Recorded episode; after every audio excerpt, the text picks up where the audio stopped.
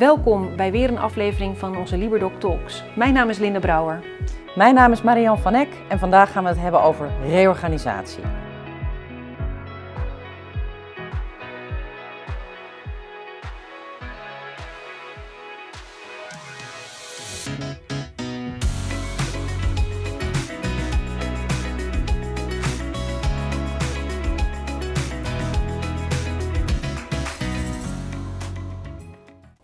Eigenlijk zien we dat de coronapandemie heeft werkgevers aan het denken gezet. Het werk kan efficiënter, het werk kan anders.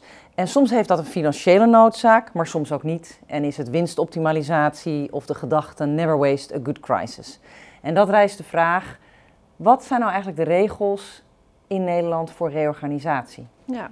Nou, allereerst belangrijk om een uh, valide bedrijfseconomische of bedrijfsorganisatorische grond te hebben. En wat is dat dan nou eigenlijk? Het komt bijvoorbeeld neer op uh, een slechtere financiële situatie. Het kan ook gelegen zijn in werkvermindering, organisatorische of technologische veranderingen, waardoor je werk met minder mensen af kan. Ja, Belangrijk is om in ieder geval te beseffen dat het niet zo is dat je per se verlies moet leiden om in Nederland te mogen reorganiseren. Ja, dus winstoptimalisatie mag ook een grond zijn. Ja, ja, belangrijk is daarbij dan wel dat je uiteraard goed moet kunnen motiveren dat uh, er uh, gekeken is naar andere kostenbeperkende maatregelen en dat die ook zijn doorgevoerd voordat je natuurlijk arbeidsplaatsen gaat schrappen. Ja, dus je zou wel kunnen zeggen dat je dan een zwaardere motivatieplicht hebt dan als je bedrijf ja. verlies leidt. Ja, klopt. Ja. En dan hebben we natuurlijk ook nog de, de volgorde waarin we van mensen afscheid zullen moeten ja. nemen, door, waarvan de functies worden geraakt door die reorganisatie. We kijken dan eerst naar de flexibele schil. En dan pas naar de medewerkers. En daarbinnen natuurlijk neem je eerst afscheid van de tijdelijke en dan pas van de vaste ja. medewerkers. Ja, ja. Nou, en ik denk verder goed om te weten dat er extra regels gelden als het om een collectief ontslag gaat. Een collectief ontslag uh, is een ontslag waar 20 uh, werknemers of meer in één UWV-werkgebied ontslagen gaan worden. Uh, het UWV heeft het land in een aantal regionale werkgebieden opgesplitst. En wat je dus moet doen is kijken als bedrijf of je uh, aan 20 ontslagen in één zo'n werkgebied uh, komt, heb je meerdere locaties uh, in meer dan één werkgebied, dan kan het zo zijn dat je in Nederland misschien wel 20 ja. ontslagen hebt, maar dat je niet aan dat collectieve ontslag komt. Nou, en verder is het belangrijk dat je naar de formele werkgever kijkt. He, je telt dus niet blokker holding ontslagen en blokker BV ontslagen bij elkaar op. Dat zijn aparte werkgevers. Wat houdt het proces verder in bij collectief ontslag? Wat zijn die extra regels dan? Goeie vraag. Uh, belangrijk is om een schriftelijke melding collectief ontslag te doen, waarin je het voornemen aangeeft. Dat doe je bij het UWV en bij de relevante vakbonden.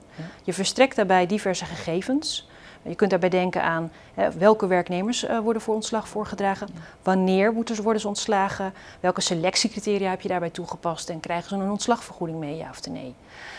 Um, Daarnaast uh, is de kern van de melding collectief ontslag dat de vakbonden worden uitgenodigd. Ja, en dan rijst natuurlijk de vraag, waar ga je het met die vakbonden over hebben? Hè? Dat is natuurlijk de vervolgvraag.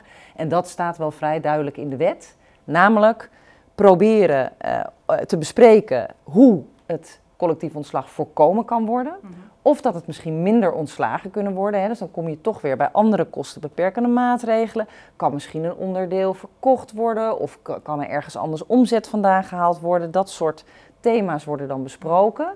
En het tweede thema ziet eigenlijk op het verzachten van gevolgen als zo'n collectief ontslag dan wel moet plaatsvinden. He, en dan ziet het vooral op herplaatsing, sociale begeleidingsmaatregelen in brede zin, omscholing. Um, ja, dat zijn eigenlijk uh, de, belangrijkste, de belangrijkste thema's. Ja. Hè, en, en het zou kunnen dat daar een sociaal plan met die vakbonden uitkomt. Het voordeel van zo'n sociaal plan met uh, vakbonden is dat je dat aan kan melden als CAO. En dan wordt dat geacht een redelijke voorziening te zijn voor medewerkers. Ja. Dus kortom, het wordt dan voor medewerkers moeilijker om in hun individuele ontslag een hogere vergoeding te claimen dan wat er in dat plan staat. Ja. En dan moet je dus een melding doen bij de vakbonden. Maar wat nou als ik in een organisatie, ik, heb als bedrijf helemaal niet contact met vakbonden. Hè. Ik heb een bedrijfseigen arbeidsvoorwaardenpakket, een OR. Ja. Bij wie moet ik dan melden? Nou ja, dat zien wij natuurlijk ook best wel vaak gebeuren. Ja. Nou ja, dan is het antwoord eigenlijk simpel. Of je vraagt het uit bij het personeel, hè, dat kan via de mail. Uh, mensen kunnen dat eventueel anoniem melden. En wat ook niet ongebruikelijk is, is dat je dan eventueel meldt aan de drie grote vakbonden. Dat is FNV, uh, CNV en de Unie. Ander goed nieuws voor de werkgever is, het is niet zo in zo'n situatie als deze, waarin jij nooit contact eerder had met die vakbonden, dat je tot in lengte van dagen moet gaan wachten of zij zich eindelijk melden voor een dialoog over die reorganisatie. Want de wet zegt namelijk dat als je twee weken van tevoren uh, uitnodigt en de vakbonden reageren niet, dat je dan geacht wordt aan je melding gedaan te hebben. Kortom, dan mag je door. Dan mag je door. Dan mag je door. En dat kan natuurlijk, want misschien vinden ze het niet interessant, misschien hebben ze geen leden, misschien zijn ze druk bij een ander bedrijf waar ze wel eerder betrokken waren. Dus dat zien we in de praktijk zeker ook gebeuren. Ja. Ja. En dan misschien ook goed om nog even in te gaan uh, op het proces van, het, uh, van die melding. Hè? Wat, wat, wat, wat houdt het nou precies in? Wat gaat er gebeuren?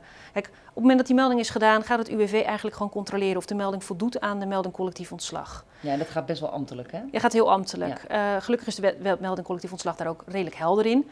Um, dus ze controleren of alle gegevens verstrekt zijn en ze het complete plaatje hebben. Als ja. dat niet het geval is, krijg je letterlijk een melding incompleet. En wordt er verzocht om die gegevens alsnog aan te reiken. Voldoe je wel aan alle criteria, krijg je de melding compleet. En is dat belangrijk? Ja, want dan is het ook duidelijk wanneer de wachttermijn gaat lopen. Ja. En in die wachttermijn mag je als ondernemer geen uitvoeringshandelingen uh, uh, toepassen. Hè. Dus je mag, je mag geen aanzeggesprekken gaan voeren. Geen sollicitaties. Geen sollicitatiegesprekken. Functies, ja. Het is echt bedoeld dat die wachttermijn benut wordt om dan dat gesprek met, uh, de met de vakbonden en vaak ook de OR, dat is het dialoog wat ernaast loopt in, in doorgaans het adviestraject, dat dat wordt benut. Ja, en dat is natuurlijk ook logisch, want de hele gedachte van die dialoog is dat het besluit tot reorganisatie en ook het aantal mensen en de manier waarop dat nog kan veranderen. Ja. door input van de OR, door input van de vakbonden, he, doordat er toch een andere afslag wordt genomen. Dus daarom mag je natuurlijk niet uitvoeren en al naar individuele meningen. Het is eigenlijk heel logisch, Zeker. maar we zien ja. de vragen in de praktijk wel geregeld terugkomen. Um, uh, en dan, als die wachttermijn voorbij is, als die wachttermijn voorbij is, uh, uh, dan kan je, uh, kan je door met je, met je reorganisatie. Ja. mits uiteraard ook het adviestraject met de OR is, is, afgerond. Is afgerond. Ja. Ja. ja. En nou ben ik individuele medewerker en ik krijg die aanzegging voor een boventalligheid. Wat dan? Wat kan ik dan? Dan gaan we de spelregels uh, uh, uiteraard toetsen. We hebben regelmatig natuurlijk dat we medewerkers op dat punt adviseren. Dus je gaat na, is er een bedrijfseconomische grond? Um, zijn de juiste selectiecriteria toegepast? Ben jij dus echt boventallig? Ja. Um, en zoals die bedrijfseconomische grond er daadwerkelijk is, dan speelt natuurlijk ook nog de vraag of er herplaatsingsmogelijkheden benut zijn. En dat gaat ver, hè, want je moet ook concernbreed kijken, in de groep kijken. Dat wordt nog wel eens vergeten. Uh, en als daar ergens een, een, een, stap gemist is door de werkgever, dan heb je natuurlijk een onderhandelingspositie als werknemer. En dan kan je zeggen, nou, ik ben niet degene die boventallig is, dus ik vecht mijn ontslag aan. Ja, ik, ik ga voor baanbehoud. Ja. Uh, of ik vind het prima, maar dan ga ik niet akkoord met het pakket wat je me nu meegeeft. Ja. Dus uh, ik wil gewoon meer geld. Daar komt het dan uh, feitelijk op neer. Ander belangrijk punt is natuurlijk ook dat in deze discussie er dan gekeken moet worden of het ontslag niet past binnen het bredere plaatje van het collectief ontslag. Want dat zou dan een extra argument kunnen opleveren.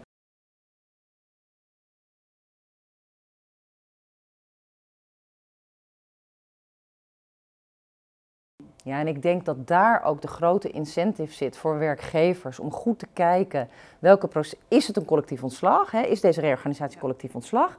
Welke stappen moet ik daarin maken? Want op het moment hè, dat je dat dus niet doet, kunnen al die individuele medewerkers die extra billijke vergoeding uh, vragen en pakt je reorganisatie natuurlijk veel duurder uit dan dat je gehoopt en voorzien had. Ja.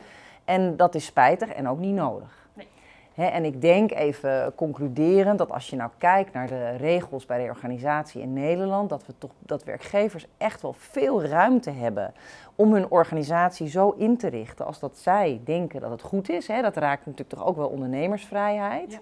Mits je maar wel nou ja, kijkt welke kaders zijn er. En het is gewoon, zien wij in de praktijk, gewoon heel belangrijk dat je een goed plan van aanpak maakt. Ja, ja. wees niet bang dat het UWV of de rechter op jouw stoel gaat zitten. Nee. Maar uh, volg de spelregels, daar komt het ja, op neer. Ja, ja, nou ja, en wij denken natuurlijk altijd graag mee met dit soort plannen van aanpak. En vooral uh, om te zorgen dat uh, de reorganisatiedoelstelling ook echt gehaald gaat worden. Zowel in tijd als financieel.